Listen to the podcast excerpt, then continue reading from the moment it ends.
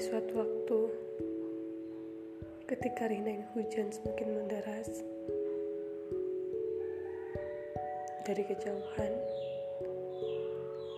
namun masih dalam tatapan, aku pernah berjanji.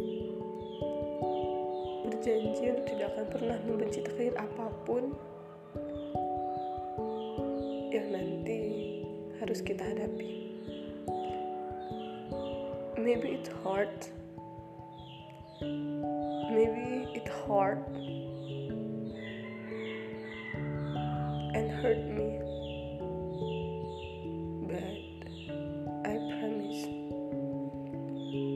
I will not hate. Meski mungkin gak akan semudah mengucapkannya sekarang. But I will try. Of the kindness. For all of the for all of the good things.